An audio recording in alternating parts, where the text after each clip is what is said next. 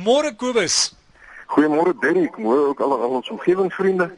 Derrick, ek moet sê dit klink darm lekker jong om so vroeg op 'n Saterdagoggend al 'n spitbraai te kan ruik. Jy weet dit. Ja, Kobus, ek wens ek wens jy was hier om kan ek saam met ons ontbyt geëet het.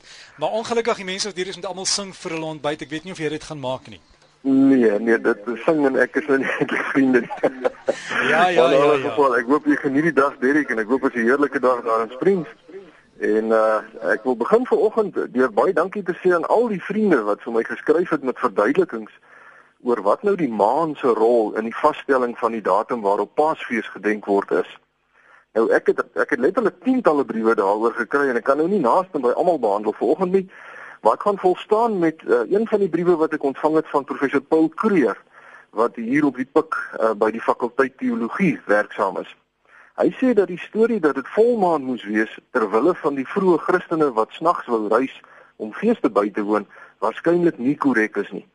Hy sê dit gaan eintlik terug tot by die aanwysing wat ons kry in Levitikus in die Bybel vir die Joodse Paasfees wat gehou is op die 14de van die eerste maand en die eerste maand is destyds nou ek weet nou nie wat die uitspraak is nie maar dis A V I V soos Aviv of Aviv genoem en die woord beteken lente. Hy sê die Jode het volledige maanmaande gevolg. Met ander woorde, 'n maand het altyd gestrek vanaf donkermaan tot dit weer donkermaan is en dan word dit die nuwe maand. So die 14de dag van enige maand is daarom in die middel van die maand en dis volmaan. So die beginsel waar volgens die Christelike Paasfees se datum vandag nog bereken word, is in wese nog dieselfde as destyds, behalwe dat ons sterrekundige kennis deesdae natuurlik veel meer ontwikkel is sodat die skyngestaltes van die maan nou nie meer ooreenstem met die begin en einde van maande nie. Baie dankie professor Paul Kreer vir daardie verduideliking. Nou iets heel anders. Ek het 'n brief ontvang van meneer Neels van Tonder van Nelspruit.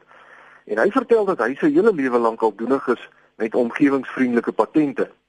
Hy sê hy het gedurende die 80er jare in Bronkhorstspruit op 'n plot gebly. En hy het destyds al, nou dis 35 jaar gelede, vir hom 'n songeyser gekoop En die ding het hom destyds omtrent 10000 rand gekos en in vandag se randwaarde is dit seker omtrent 50000 rand. So dit was 'n groot uitgawe destyds.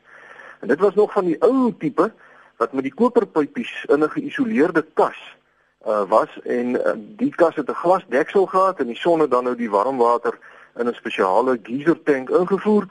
En hy sê daardie songeyser werk vandag nog baie goed en hy het uitgewerk dat dit hom oor die afgelope 35 jaar omtrent 200 000 rand aan elektrisiteitskoste gespaar het. Nou dit het hom 50 000 rand gekos en hy het omtrent dus 4 keer die koste teruggekry. Die enigste probleem wat hy gehad het was dat hy die tank na ongeveer 15 jaar moes vervang teen 'n destydse koste van omtrent 3000 rand en die koperpypies het op 'n keer gebars toe dit nou baie koud geword het. Maar hy het die pypies toe sommer self toegesoldeer en ook die water wat deur die pypies vloei met antivriesmiddel gedokter en toe het hy nooit weer enige probleme gehad nie. Hy het later jare weer teruggetrek na Nelspruit toe en hy het toe weer 'n songeyser aangeskaf by hulle nuwe huis en hy sê die stelsel werk baie uitstekend behalwe verhaal wat 'n paar jaar gelede die pype stikkend geslaan het, maar hy sê die songeyser gee net op 20 dae per jaar nie vir hulle genoeg warm water nie en die res is gratis. En toe het hy nou onlangs ook 'n kleiner gesondkragstelseltjie ge geïnstalleer en hy gebruik tans sommer 'n paar golfkarretjie batterye. Maar hy wonder of daar nie beter batterye beskikbaar is nie. Hy sê hy het op 'n een of ander program 'n maand of twee gelede gehoor dat daar 'n vervaardiger is wat deesdae lithium-ion batterye bemark wat 'n 10 jaar waarborg het en hierdie batterye kos maar omtrent dieselfde as die ou tipe loodsuur batterye. Maar hy kon nou nie hoor waar mense van die tipe goed in die hande kry nie. En nou vra hy of ek dalk bietjie kan praat oor die ontwikkeling, die nuutste ontwikkelinge van batterytegnologie en wat die koste doeltreffendste sal wees vir iemand met 'n klein huishoudelike sonkragstasietjie soos wat hy dit nou stel. Baie dankie meneer van Tonder.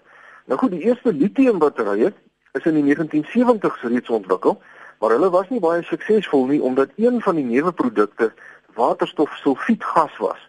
En dis dieselfde gas as wat vrot eiers aangee, so die goed het lekker gestink.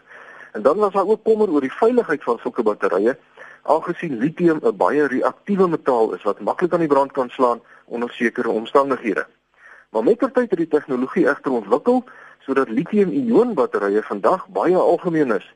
Want dit is onder andere die tipe battery wat in elke selfoon of in skootrekenaars gekry kan word.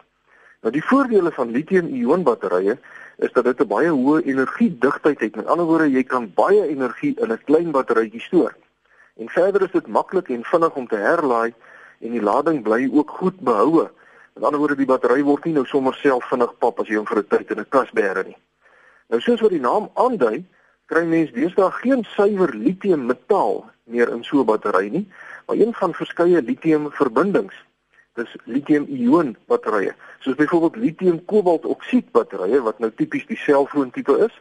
Uh, maar hierdie tipes batterye kan gevaarlik wees as dit beskadig word. Ander soorte lithium-batterye sluit in verbindings met uh, van lithium met ysterfosfaat of mangaanoksied of nikkel-mangaan-kobaltoksied. Daar's 'n hele klomp van hulle En hierdie tipe batterye se energiedigtheid is nou klein bietjie laer as selfoonbatterye sin, maar hulle hulle het 'n langer lewensduur en hulle is inherënt veiliger en daarom kry mens hierdie soort batterye in goed soos handbore en ander elektriese apparate en ook in die mediese wêreld. Die nuutste ontwikkeling op hierdie gebied is lithium-swaal batterye wat die hoogste energiedigtheid teenoor gewig lewer, maar al die lithium-ion batterye kan gevaarlik wees onder sekere omstandighede omdat die elektrolyt wat gebruik word vlambaar is.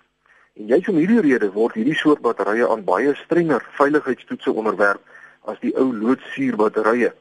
Maar ondanks al die veiligheidstoetse is dit egter steeds so dat mense van tyd tot tyd hoor van 'n selfoon se battery wat aan die brand geslaan het of enkele elektriese motorkarre wat ook skielik vir geen ooglopende rede nie aan die brand slaan. En lugdienste het steeds vandag 'n beperking op die vervoer van lithium-ion batterye in die vliegtuig. Sulke batterye mag byvoorbeeld nie in die bagasie onder in die ruim saamry nie, maar dit moet in die handbagasie wees sodat mense goed kan bykom as dit dalk probleme sou gee. En net so terloops, dis natuurlik een van die redes waarom hulle vra dat alle rekenaars, selfone en tablette afgeskakel moet word tydens die opstyging of gedurende die eindnadering as mens nou in 'n passasiersvliegtuig vlieg. Want dan is die vier die vliegtuig naby ander vliegtuie en ook naby radartorings En dit alles kan 'n wisselwerking veroorsaak wat nou nie slegs die navigasie van die vliegtuig en die kommunikasie tussen die vlieëniers en die beheertoring kan beïnvloed nie, maar moontlik ook probleme met lithium-ion batterye kan veroorsaak. En ek vererg my altyd bloediglik vir mense wat op selfone sit en tik nadat die kajuitpersoneel nou gevra het dat hulle die goed moet afsit. Want alhoewel die kans dat iets gebeur deesdae nou uiters gering is, is daar tog 'n risiko. En sulke mense stel al die ander mense op die vliegtuig se lewens in gevaar en dit net omdat hulle nie hulle selfone vir 'n paar sekondes kan afsit nie. Maar hoe dit ook al sê, lithium-ion batterye ontwikkel vinnig en dit word in 'n toenemende verskeidenheid toepassings gebruik, soos om die moderne elektriese motor aan te dryf. En die batterye in sulke motors is in wese maar net etlike honderde of selfs duisende selfoonbatterye wat aan mekaar gekoppel word. En dit is ook die beginsel waarop Elon Musk se sogenaamde Powerwall huishoudelike battery wat deesdae in Amerika verkoop word werk. Daar is egter 'n paar Suid-Afrikaanse maatskappye wat baie mededingende produkte teen uiters kompeterende pryse bemark.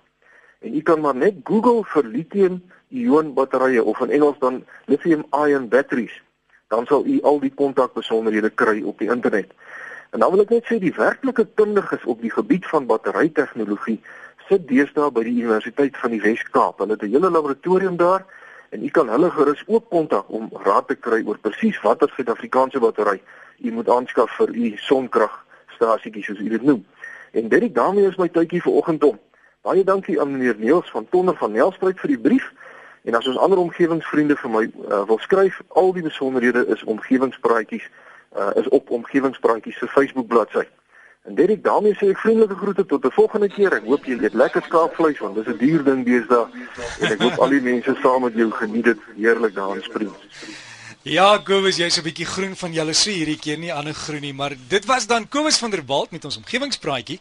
En as jy Kobus wil kontak, is kobus.vanderwalt@nwu.ac.za. kobus.vanderwalt@nwu.ac.za. Daar's ook die Facebook bladsy waar al die inligting is en jy kan ook daar konstruktief gaan bydra of jy hoef nie altyd saam te stem nie. Gaan loer op Facebook by omgewingspraatjies, die meervoud omgewingspraatjies.